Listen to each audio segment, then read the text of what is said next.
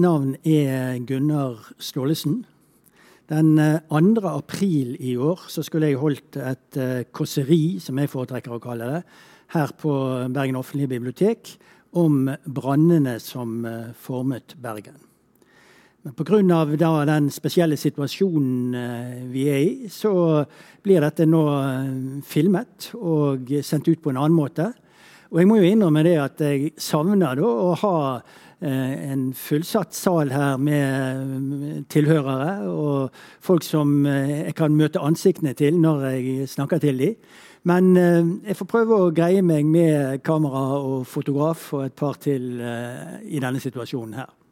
Grunnen til at jeg ble invitert til å snakke om brannene som formet Bergen, er jo for det første at jeg personlig har skrevet om noen av de store brannene tidligere. Sammen med Jo Gjerstad var jeg med på å skrive en bok om den store siste bergensbrannen i 1916. Den kom ut for uh, fire år siden, ble den nå, da, i 2016.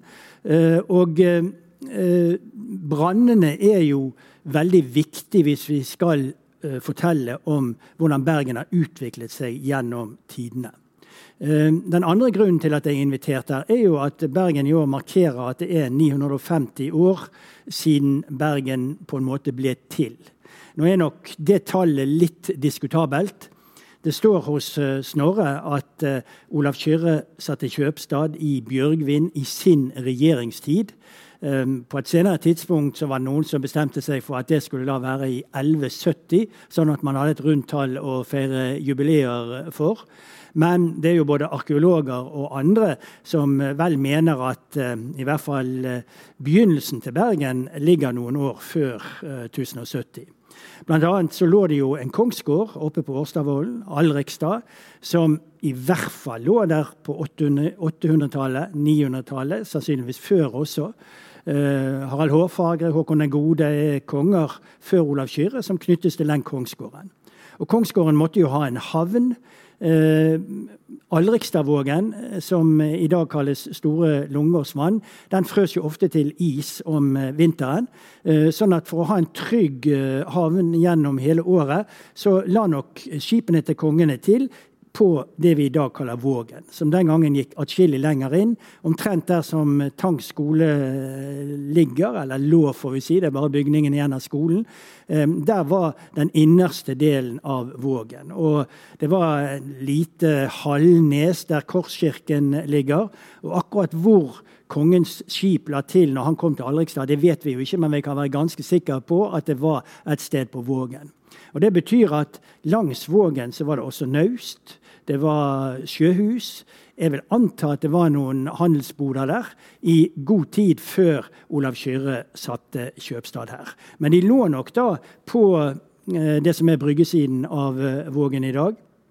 Og eh, det Olav Kyrre skal tross alt ha æren for, er at han gjorde dette strandstedet til en eh, kjøpstad, en by, ved å begynne å reise en katedral, en domkirke, i byen. Det er da det som etter hvert blir Kristkirken, som lå ute på det vi i dag kaller Bergenhus, men som da ble revet på 1500-tallet, 1531 eh, for å være helt nøyaktig, av de danske herskerne i landet på det tidspunktet der. Så Bergen oppstår jo da Eh, på det vi i dag kaller bryggesiden. I middelalderen så lå byen omtrent mellom eh, Mariakirken og domkirken. Det meste av bebyggelsen var i det området. Og det gikk én gate fra den ene kirken til den andre, som ble kalt Strete, for det var bare én gate i Bergen på det tidspunktet. Men det er jo det som den dag i dag er Øvregaten. Eh, så vi må se for oss en veldig liten by eh, når vi egentlig begynner vår historie om de brannene som har formet Bergen. Eh, det er jo slik at Veldig mye av det vi vet om Bergen i middelalderen, det har vi fra Magnus Lagerbøtes bylov, som da ble fullført i hvert fall i 1276. Og Allerede i den eh, byloven så er det klare eh, regler for hvordan man skal oppføre seg eh, for å verne byen mot brann. Jeg kan sitere litt fra denne loven. Der skal være kar i de gårdene som der ikke er brønn til, og vann. i det. Stige skal det være til hvert hus med ildsted og to brannhaker i hver fjæring. For hver av disse som mangler, skal det bøtes én mark sølv til kongen, i tillegg til at de må skaffes til veie. Og eh, Også hvis det oppstår brann, så er det klare regler som man skal følge. Om en mann står i veien for det vann man trenger til å slukke ilden med, skal han bøte én mark sølv, og man kan usaket ta det, hvem som enn forbyr det. Likeså seil og annet som er nødvendig, og erstatte det etter skjønnsomme menns dom, og likeså for vann som gjelder folks drikkevann. Og det er også eh, Magnus Lagerbøte som gjennom sin bylov eh, anlegger, i hvert fall planlegger, de første allmenningene i Bergen. Og Allmenningene kommer vi jo til eh, etter hvert som vi beveger oss ut gjennom historien. Eh, men opphavet er, slik som det står i eh, Magnus Lagerbøttes bylov, branngater. Det er derfor vi har disse allmenningene i Bergen. Og brannvernforskrifter, det hadde Bergen i mange hundre år. Stort sett organisert med frivillig mannskap, eh, borgere, eh, til en viss grad borgervæpningen. Eh, og det er først i 1863 at Bergen får et kommunalt, profesjonelt brannvesen i byen. Så i de 600 årene fra 1276 og til omtrent da, 1863, så var det frivillig mannskap som vernet byen mot brann. Det er jo slik at uh, skal man diskutere uh, hvor mange store branner det har vært i Bergen uh, Man kan si at sånn rundt regnet så er det i den tidlige fasen tre-fire store branner i hvert århundre. Og de som har talt, de har kommet til da 34, 35, kanskje 36 store bybranner i Bergen. Alt dette som hvordan man regner omfanget. Men hvordan skal man definere en bybrann? En bybrann eh, er jo da den alvorligste bybrannen, i hvert fall. Den som legger hele byen øde. Som brenner ned nesten alt det som er i byen. Det skjer noen ganger, uh, men ikke så ofte. Veldig mange av de storbrannene vi snakker om, eller det vi kaller bybranner, det er bydelsbranner. Det brant veldig ofte enten på bryggesiden eller på strandsiden. Uh, det er det som er de to hovedområdene som er brannrammet i Bergen i historisk tid. Og hvis vi da sier at det er en brann der mesteparten av byen blir ødelagt, så kommer vi nok etter hvert ned i at vi snakker om ni eller ti store bybranner gjennom tidene. Og eh, da må vi jo nødvendigvis kanskje begynne med den eh, aller første. Eh, den er ikke helt uh, tids, uh, tidsfestet når det gjelder dato eller måned. Knapt nok år. Men man sier at det var den første uh, store bybrannen i Bergen. Den fant sted da vinteren 1170 71, altså ca. 100 år etter at Olav Kyrre satte kjøpstad i Bergen. Og et av uh, tegnene på at Olav Kyrres verk på en måte var fullført, var at på det tidspunktet så står jo da eh, Kristkirken, eh, domkirken, ute på Holmen, der Slottet lå. Står, den er ferdig reist. Og guttekongen Magnus Erlingsson han ble kronet i den kirken i 1163, syv år gammel. Og Denne kirken får en rolle i denne brannen. Ehm, brannen oppstår da et sted på bryggesiden, og man vet ikke helt hvor mye som brant. Dette var borgerkrigstid i, eh, i Norge. Det er den perioden når baglerne står mot eh, birkebeinerne. Eh, kong Sverre eh, mot eh, Magnus Erlingsson og senere andre motstandere.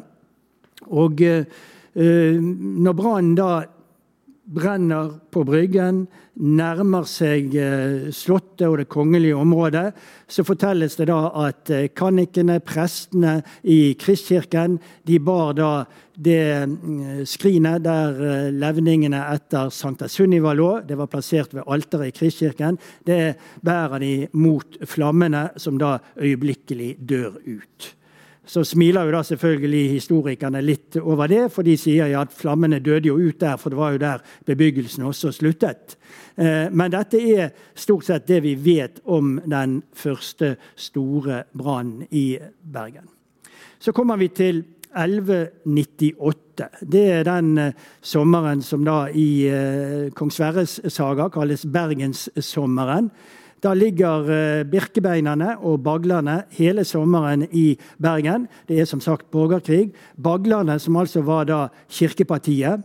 Eh, Bagal var navnet på en bispestav. Eh, de holdt til på det som var den, den kirkelige delen av byen, på Nordnes. Eh, og eh, rundt Munkeliv kloster og eh, Erkebispegården, som i hvert fall var ikke anlagt på det tidspunktet, men var en del av det, av det religiøse området. Og Birkebeinerne de holdt da til på Slottet og Sverresborg og det området. Og det er stadige feider mellom disse gruppene. En ganske grotesk historie som fortelles, er da en birkebeiner som hadde rotet seg inn på baglernes område, og så blir forfulgt av en gruppe baglere ut mot Sverresborg. Han kommer akkurat til porten på Sverresborg, der baglerne når han igjen.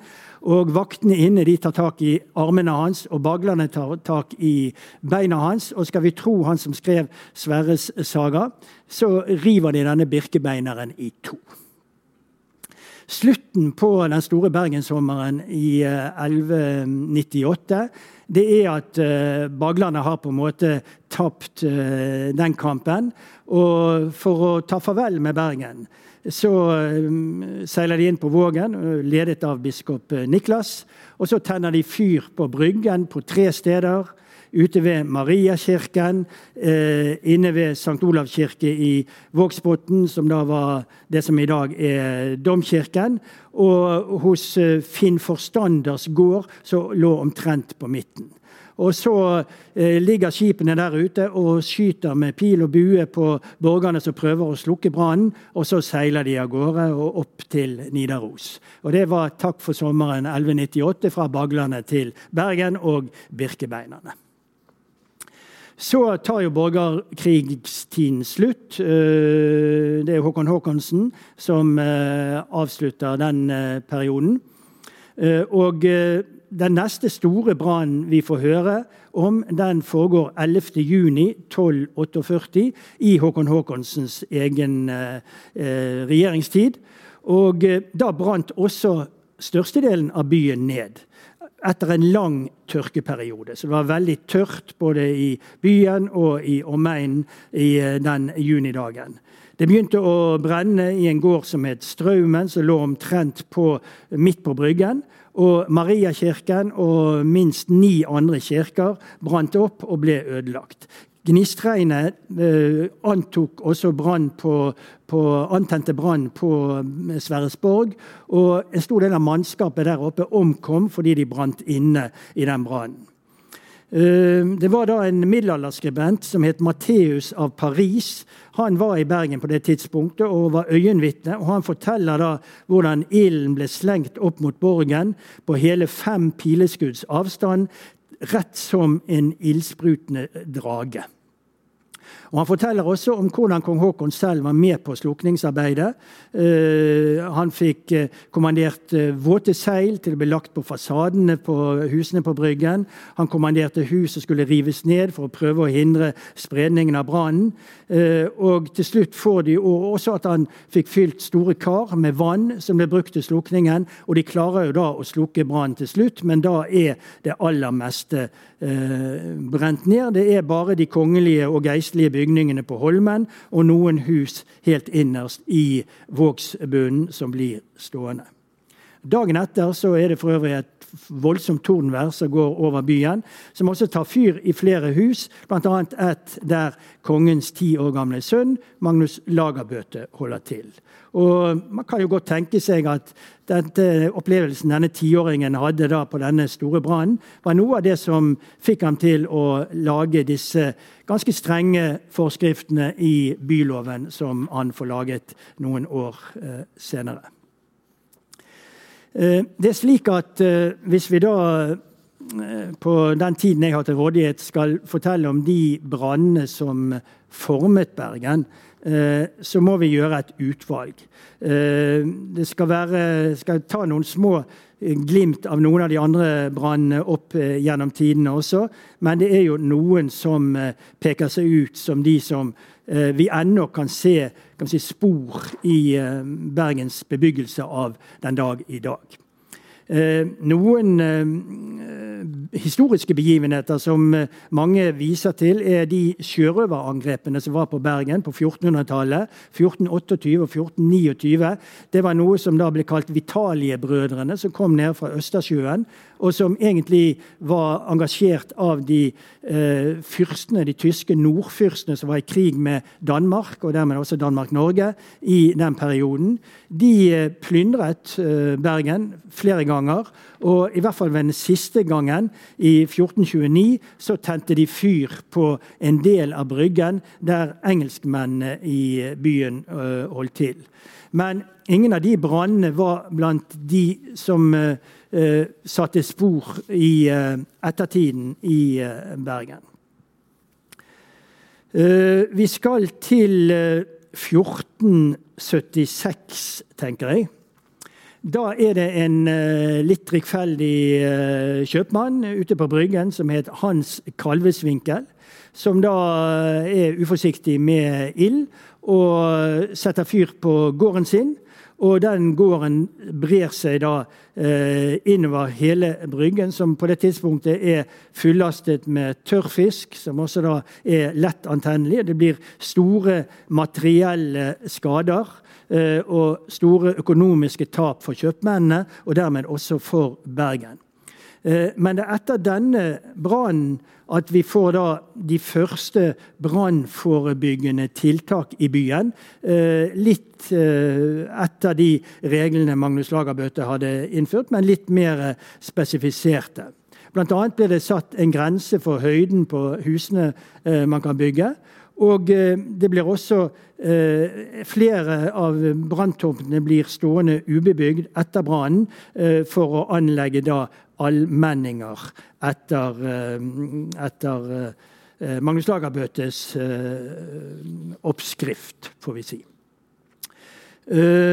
Fra da av, altså fra 1476 og helt frem til 1702, så er Bryggen forskånet for de store bybrannene.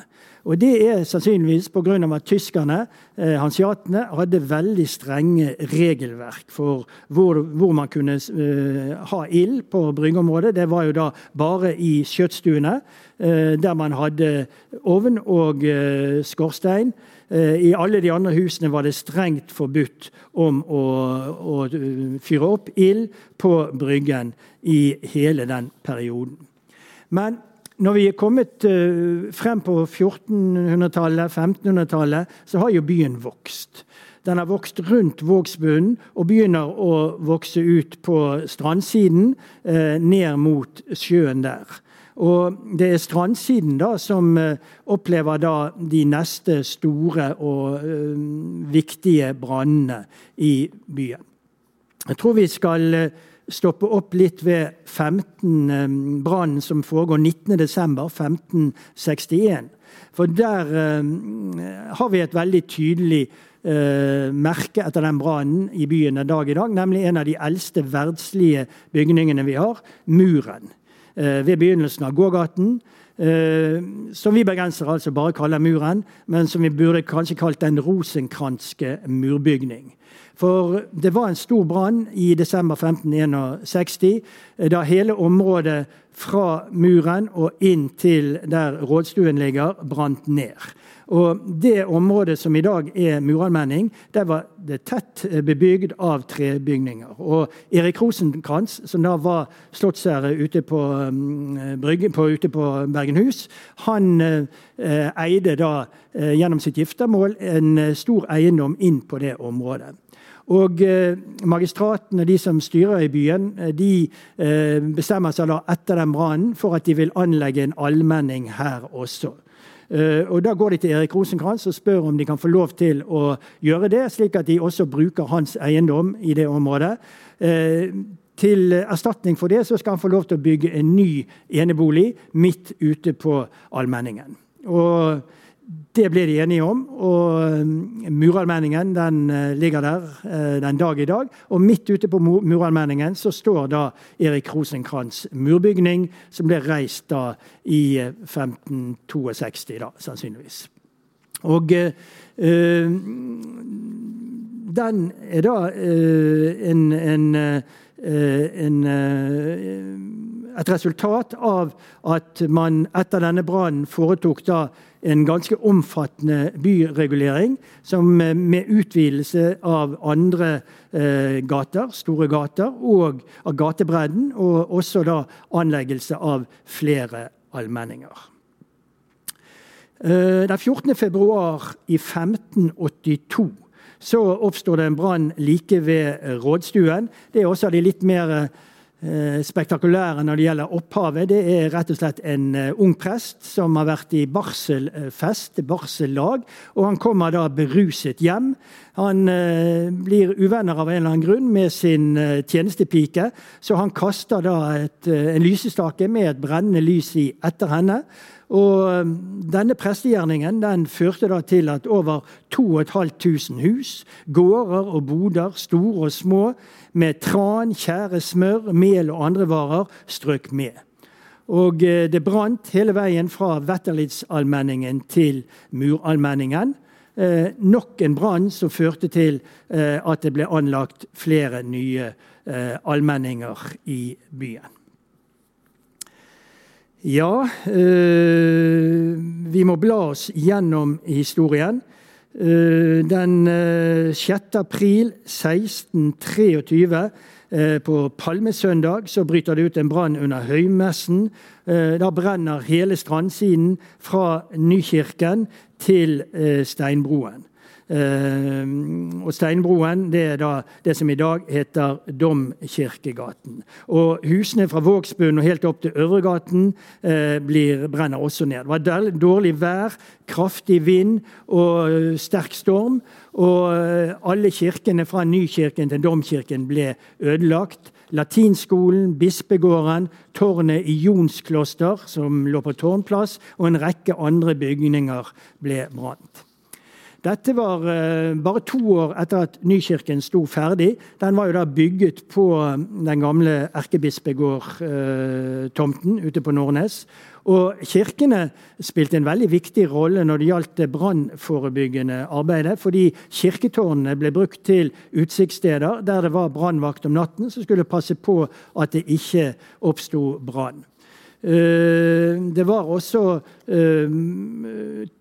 kan vi si, etterlatte tårn. Jonskloster, som er nevnt her, som har gitt navnet til Tårnplass. Der sto bare tårnet etter det revne klosteret igjen. Der var det vakt. Eh, øverst i Nikolaikirkeallmenningen, i ruinen etter Nikolaikirken, der var det brannvakt. Eh, og eh, det var også bygget et lite murtårn på toppen av kloster, omtrent der Korps de Garde kommer senere, eh, der det også var holdt brannvakt eh, fra. Så man var selvfølgelig klar over den faren og de ødeleggelsene som brannene førte til i Bergen. Men fordi byen, som de fleste andre norske byer, i all hovedsak var bygget av tre, så var det lettest tilgjengelig og det billigste materialet å bygge med. Så oppsto det da store skader under de forskjellige brannene. Ja øh, skal bla litt i øh, papirene mine her. Uh, etter uh, disse brannene på 1500-tallet så er det da nye allmenninger som blir anlagt. Eh, etter hvert så kommer det også strengere regler for hvordan man skal forholde seg uh, når det begynner, både for å forebygge brann, men også når det begynner å uh, brenne. Det ble opprettet brannvern i de forskjellige rodene i byen, med en rodemester som var ansvarlig. Og det var under ham kvartermestere som hadde ansvar for de forskjellige kvartalene. Og dette med å ha tønner med vann utenfor alle bygninger, det ble jo da understreket. Og etter hvert så ble det da Uh, ut på 1600-tallet kom det da strenge regler om at uh, alle hus, eller alle borgere som hadde mulighet til det, skulle bygge hus med en grunnmur. Eh, slik at man hadde i hvert fall en kjeller som var noenlunde brannsikker. Det var en, eh, en, av de siste skal vi si, store bybrannene i uh, middelalderen. Vi nærmer oss jo nå, vi er nå i senmiddelalderen når vi kommer til 1640. Uh, det er da på strandsiden igjen. Det bryter ut i Jonas Gullsmeds hus. Der er det to gutter som rett og slett driver med pistolskyting eh, for å ha det litt moro. Eh, de antenner noe, noe eh, bark som ligger der på Noe flis og bark som ligger på gulvet der. Og så tar det fyr i huset. Eh, det er en solskinnsdag, så veldig mange av borgerne er ute av byen. Så det kommer seint i gang med slukningsarbeidet. Og store deler av byen brenner ned fra Vetterlidsallmenningen til Muralmenningen i løpet av bare fire timer. Og på St. Jørgens hospital så er det 17 mennesker som eh, omkommer. Og Kanskje var det også dette som gjorde at man ble da strengere med brannforordninger etter eh, denne brannen i 1640. 1686. Eh, en som jo har skrevet eh, levende om Bergen, Bergens historie, er jo Ludvig Holberg. Som var født den 3. desember 1684. Før han var to år gammel, den 27. september 1686, så tok det fyr i nabohuset der han og hans eh, familie bodde ute på Nordnes. Eh, det var da en eh, tjenestepike som var litt uforsiktig med et levende lys. Og det tok fyr i huset, og så brant huset der Holbergs familie bodde. Og hele området fra Nykirken til strandsiden eh, brant ned. Ehm, etter dette så ble jo da eh, nyallmenning, eh, som det het den gangen, i dag Holbergsallmenningen, anlagt. Og eh, allerede tidligere dette året var Nykirkeallmenningen anlagt. Så vi kan jo se allmenningene gjennom hele Bergen er de sikreste sporene, eller de sikreste restene etter de store brannene som da har herjet byen. Så kommer vi til den største brannen av de alle. Og det er den, den 19. Eh, mai 1702. Det er en av de brannene jeg selv faktisk har skrevet om. Så jeg skal lese da et, eh, en liten side fra åpningen til en bok som heter 'Brennende gull', som egentlig handler om gullsmedlauget i Bergen, men som nå også handler om denne brannen i 1702. Det brenner, det brenner! Som et ekko fra fornoms tid gjallet ropen gjennom byens gater ved middagstider. Fredag 19. mai 1702. Det var ikke første gang byen brant, og det kom neppe til å bli den siste heller.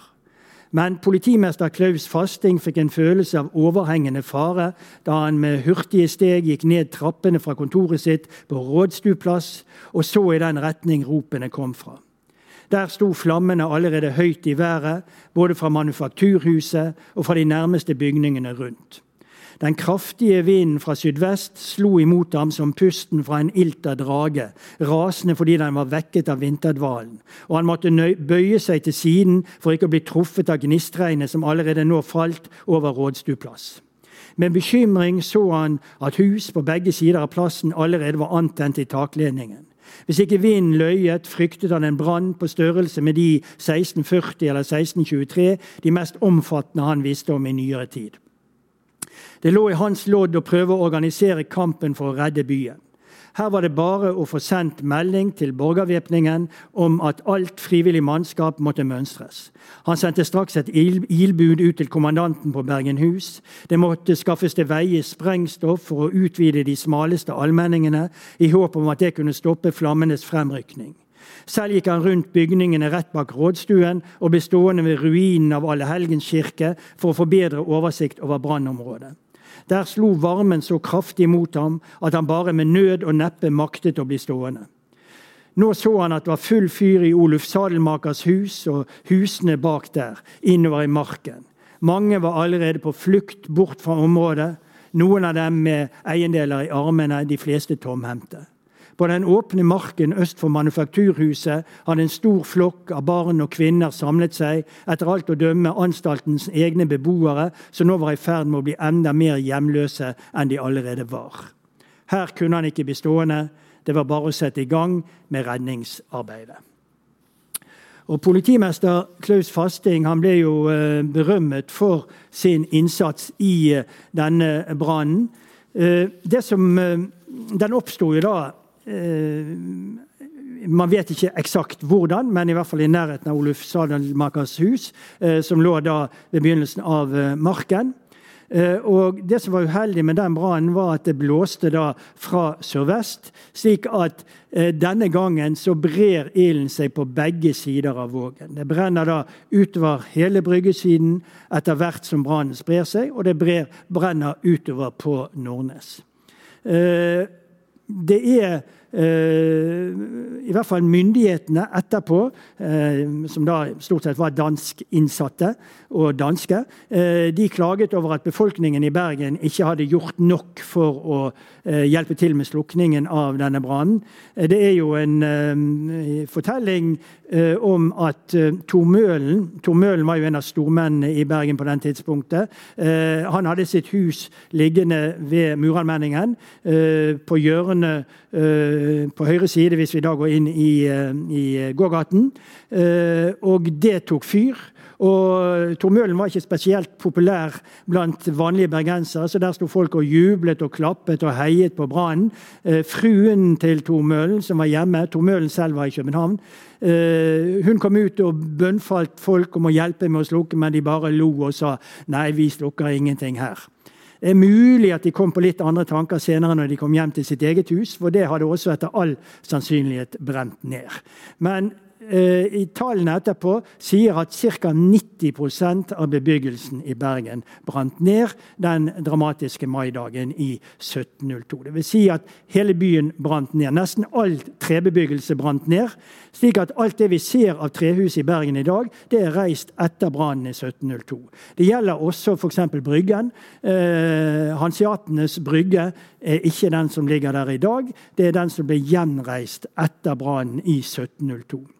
På den siden brant det helt ut til Mariakirken.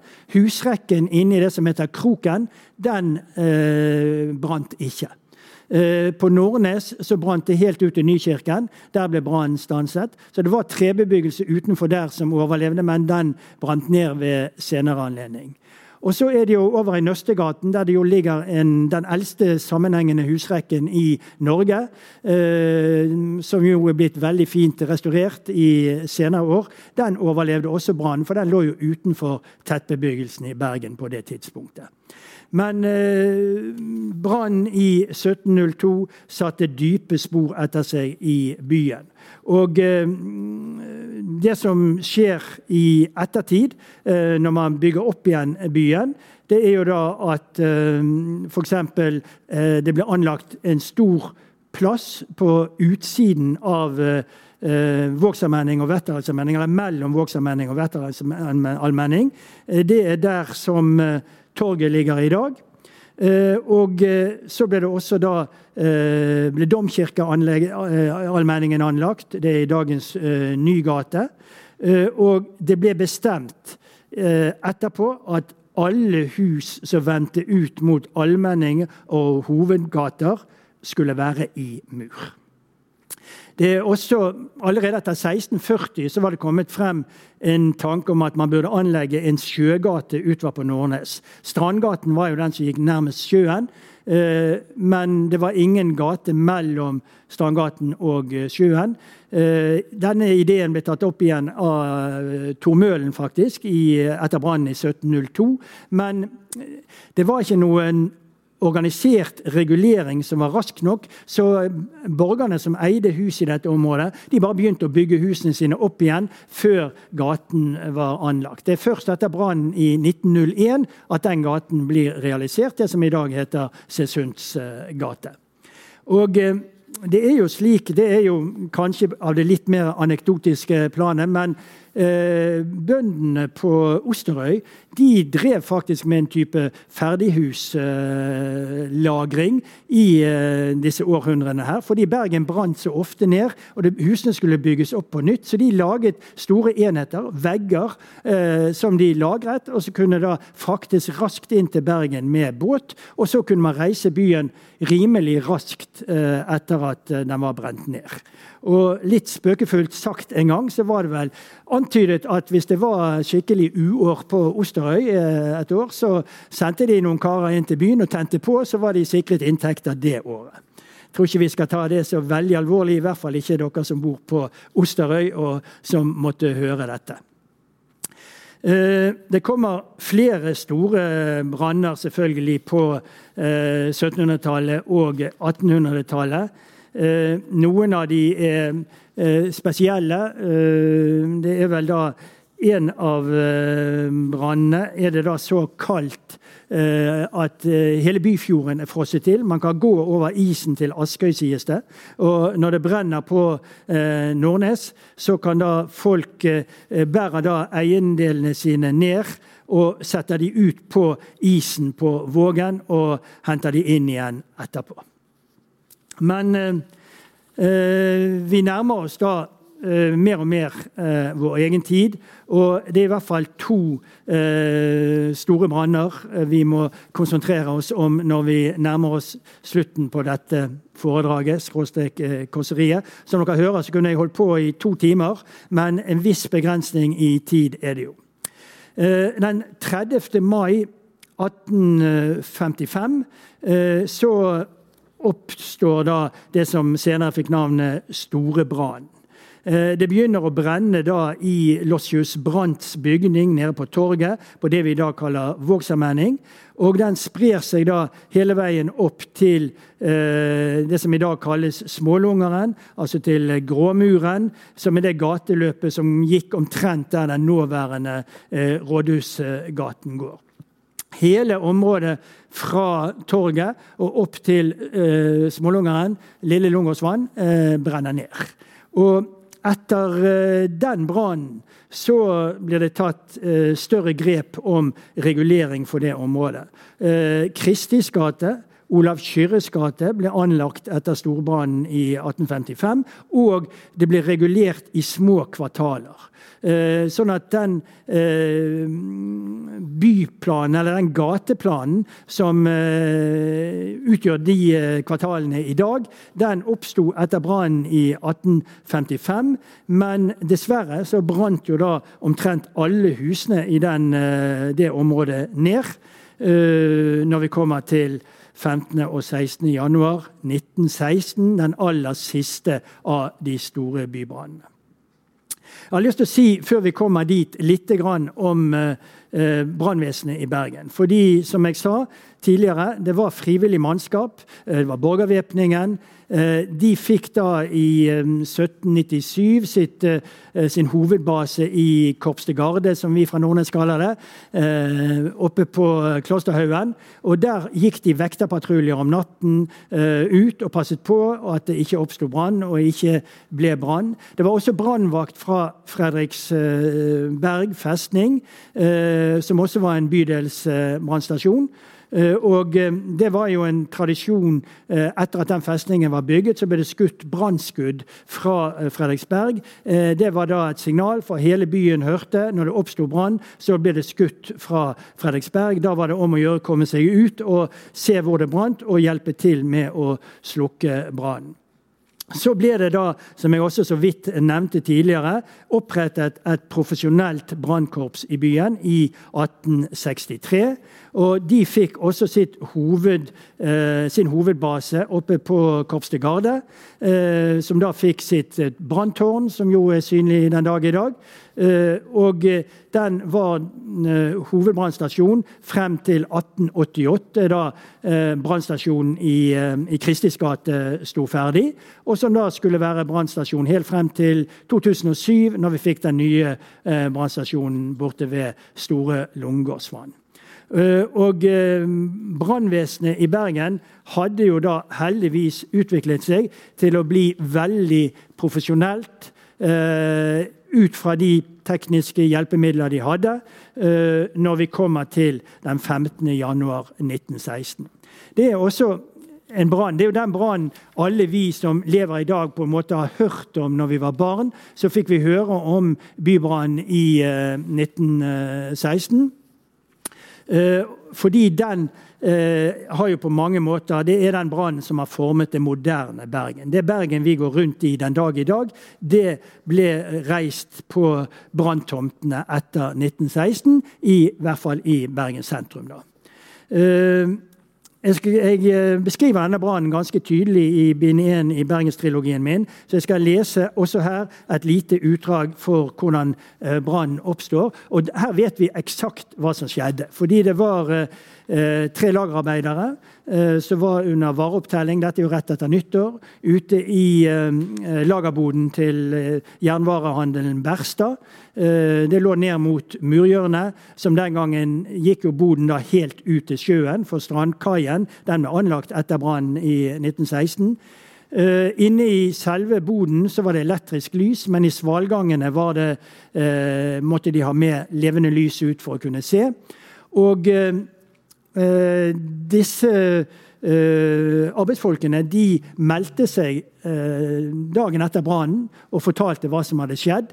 Uh, at en av dem hadde vært uheldig og kom borti en bunt med tjæredrev som lå i svalgangen der. Og det var fordi de hadde brutt en veldig viktig brannforskrift. Eh, de hadde gått med levende lys inn i svalgangen, som var bart og utildekket. Etter brannforskriftene skulle de hatt en glassklokke over dette lyset. Men iallfall, det tar fyr i denne bunten med tjæredrev. Eh, formannen åpner portene til eh, Vågen for å sparke denne brennende bunten ut i sjøen. Men det de ikke er klar over, er at det blåser stiv kuling fra nordvest med storm i kastene. Og i det øyeblikket han åpner portene, så er det et stormkast som tar fatt i flammene, slår det opp i taket, og i løpet av noen få minutter så er hele boden overtent. Og eh, det skal jeg lese om eh, her. Vær forsiktig med lyset, sa jeg, utbrøt gesellen i Berstads lagerbod i Søndre Muregård klokken ti over fem lørdag ettermiddag 15.1.1916. Men det var allerede for sent. Ilden spredte seg raskt fra den ene drevballen til den andre. Dekaten av nammet. De to hjelpesmennene sto som lamslåtte. Gesellen selv styrtet til vindeporten mot Vågen, skjøv slåen til side og åpnet på vidt gap. Sleng over ballene hit, vi kaster de på sjøen. Men i samme øyeblikk som han presset vindeporten opp, slo et stormkast fra nord rett inn gjennom åpningen, så sterkt at den kraftige gesellen tumlet innover i rommet. Et voldsomt vindpust gjøv gjennom huset og drev flammene foran seg. I løpet av noen sekunder var det som om noen hadde helt olje på ilden. Den steg i været som ved en eksplosjon, og de tre mennene kjente hvordan øyehårene ble svidd av huden på dem. For svarte karer! Ut, ut! ropte gesellen. Den ene leiearbeideren var allerede på vei ut. Den unge, men den ulykkelige unggutten som hadde satt fra seg det skjebnesvangre lyset, var ennå så lammet over det som var skjedd, at han måtte føres med makt ut av den brennende bygningen. Ute på bryggen snudde de seg mot boden. Flammene slikket allerede oppover veggene innvendig. Den første tungen slo opp gjennom taket. Og før gesellen hadde rukket å gi ordre om å løpe til nærmeste brannmelder, var hele huset overtent.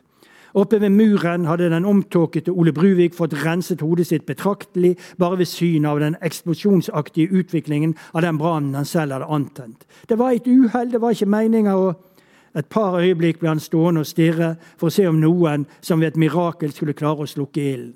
Da han forsto at alt håp var ute, så han seg om, fikk øye på den røde brannmelderen på Galtung Døsviks hus, Strandgaten 50, stormet dit, knuste glassruten i apparatet og trykket den svarte knappen inn. Da må det sies at Ole Bruvik som nevnes her, det er da en oppdiktet person som jeg har plassert i denne situasjonen.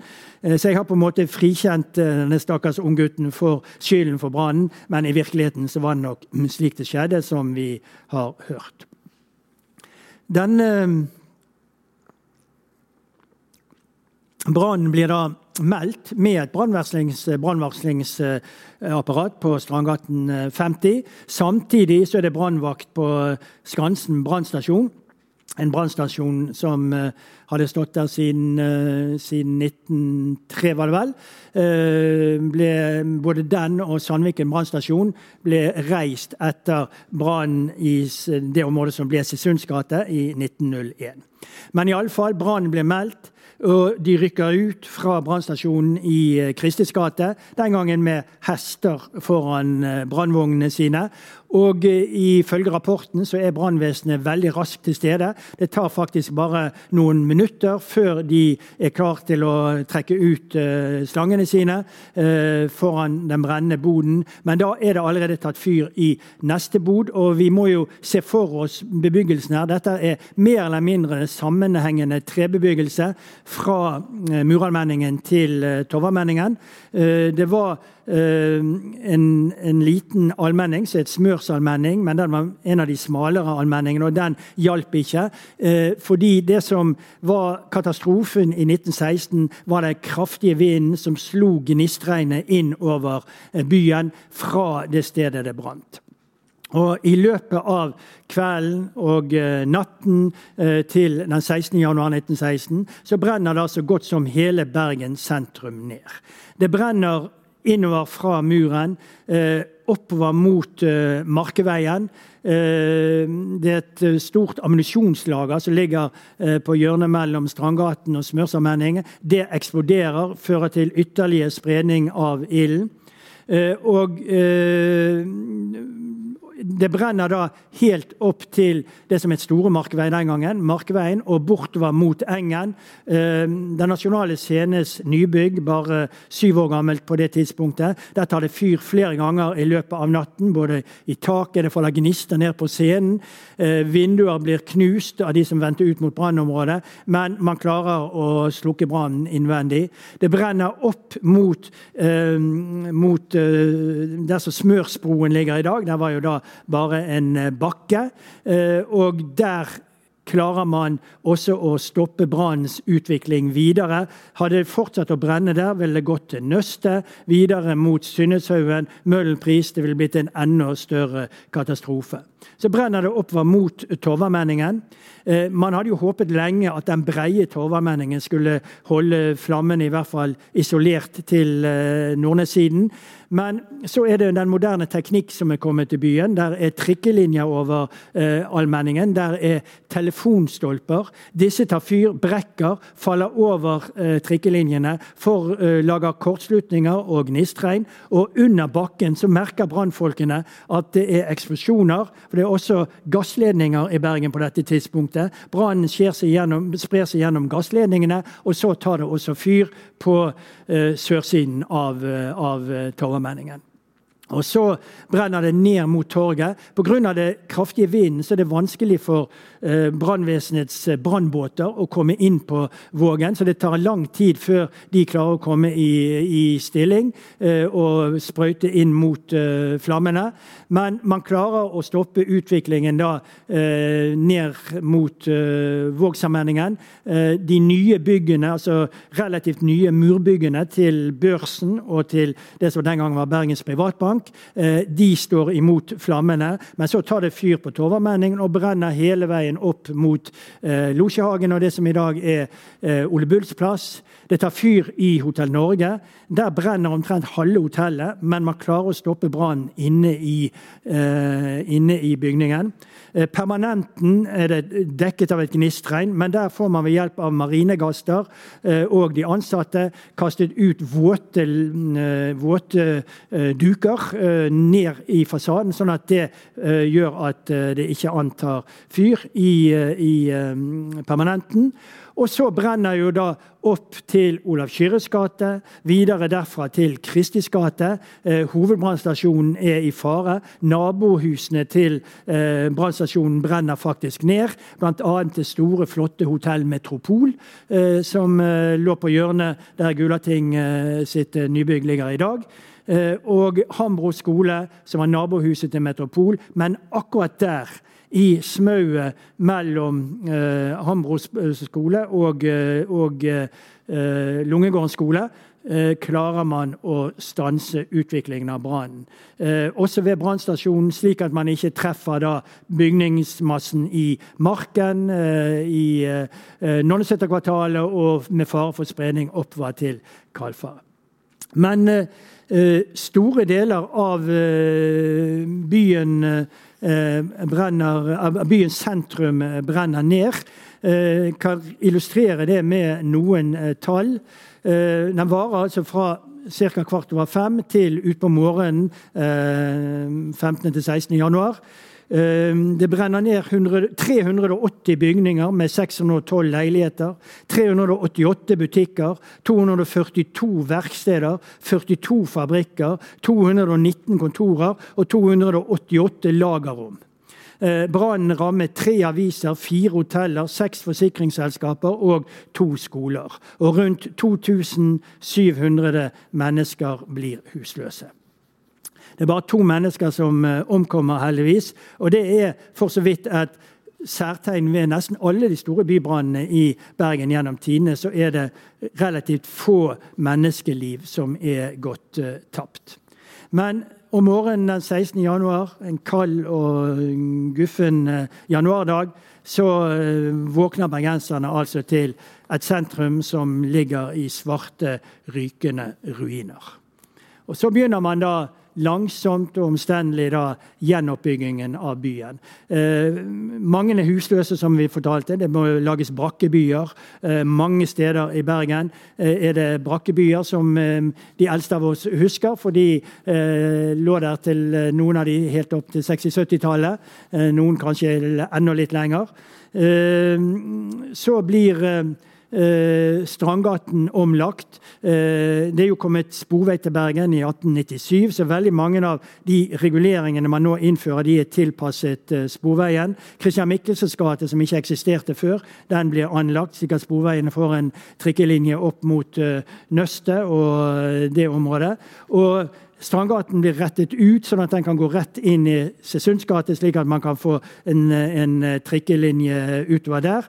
Og ikke minst så gjør man eh, et såpass moderne grep eh, sett i ettertid som at man anlegger Smørsbroen. Var, det var jo før et gatekryss mellom Smørsalvending og Store Markevei, men der hever man grunnen litt i Markeveien. Eh, graver, litt, graver, seg litt ned, flytter Smørsalvending litt lenger eh, mot nord og gir nytt navn, Jon Smørs.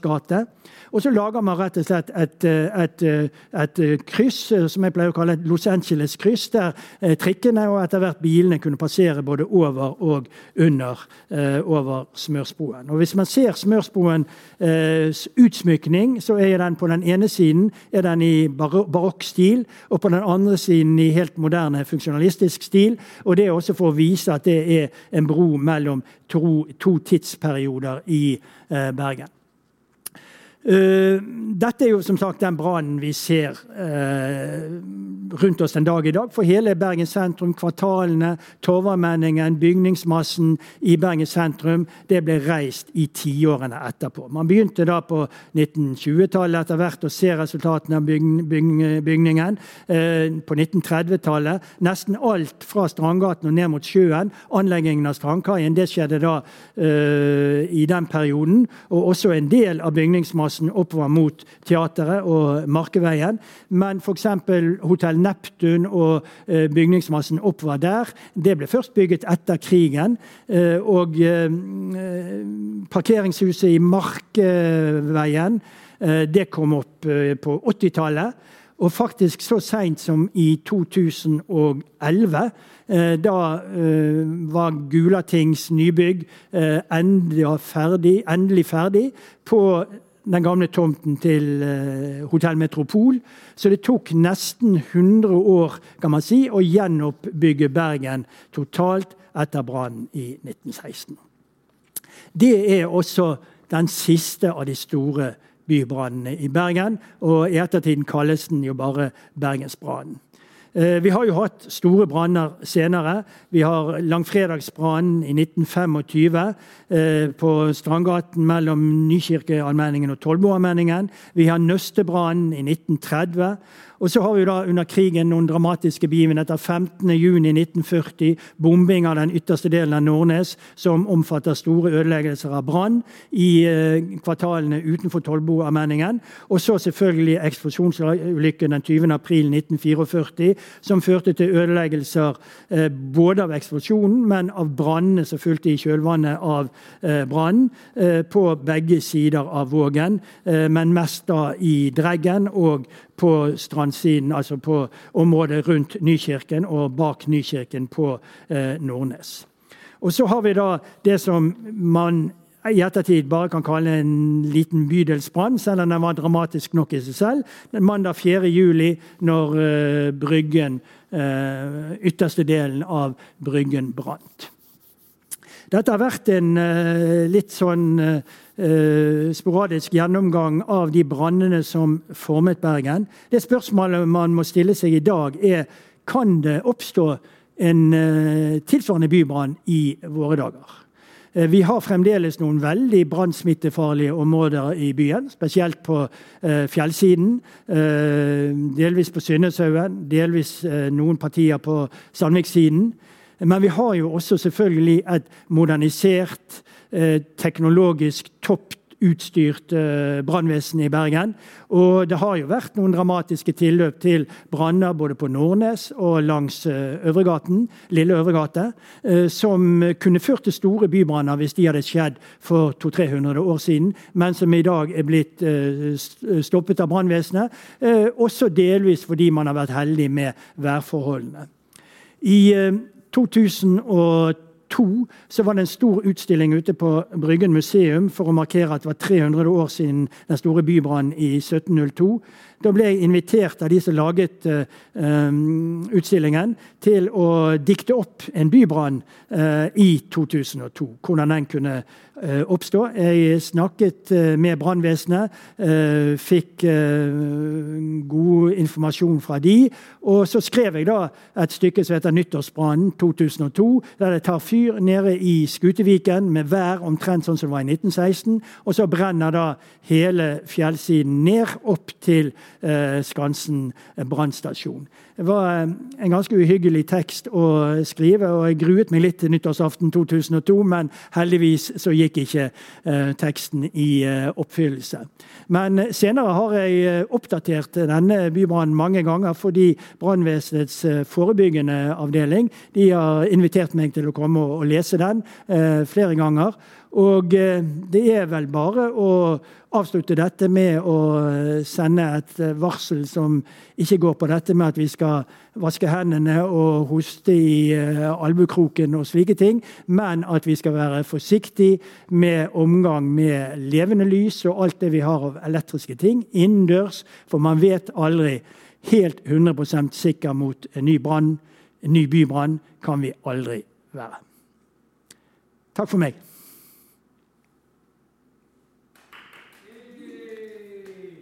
Ja, det, det ble over en time, det.